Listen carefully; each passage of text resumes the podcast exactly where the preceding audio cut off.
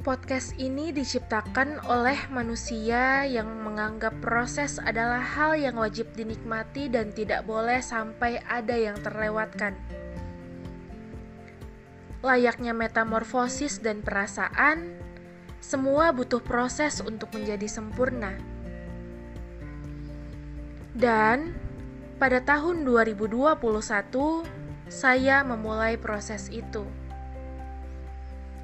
Mulai dari mengikuti kelas podcasting, mencoba untuk recording podcast, hingga pada akhirnya saya mulai mencoba untuk membuat podcast di channel Telegram. Sempat merasa gagal karena ekspektasi berlebih, namun pada saat yang sama Tuhan menyadarkan saya lewat rencananya.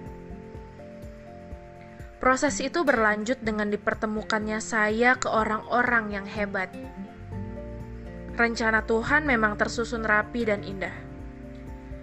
Melalui grup Telegram, podcaster Nusantara, saya kembali menyusun planning untuk terus maju di bidang podcasting. Dan Tepat di awal tahun 2022, saya kembali memulai berpodcast dengan nama podcast yang baru. Podcast Metamorforasa adalah wujud nyata dari proses yang telah menjadi hasil.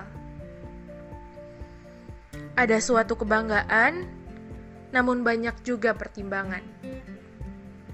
Intinya, Selamat datang di podcast Metamorforasa. Semoga berkenan untuk selalu mendengarkan.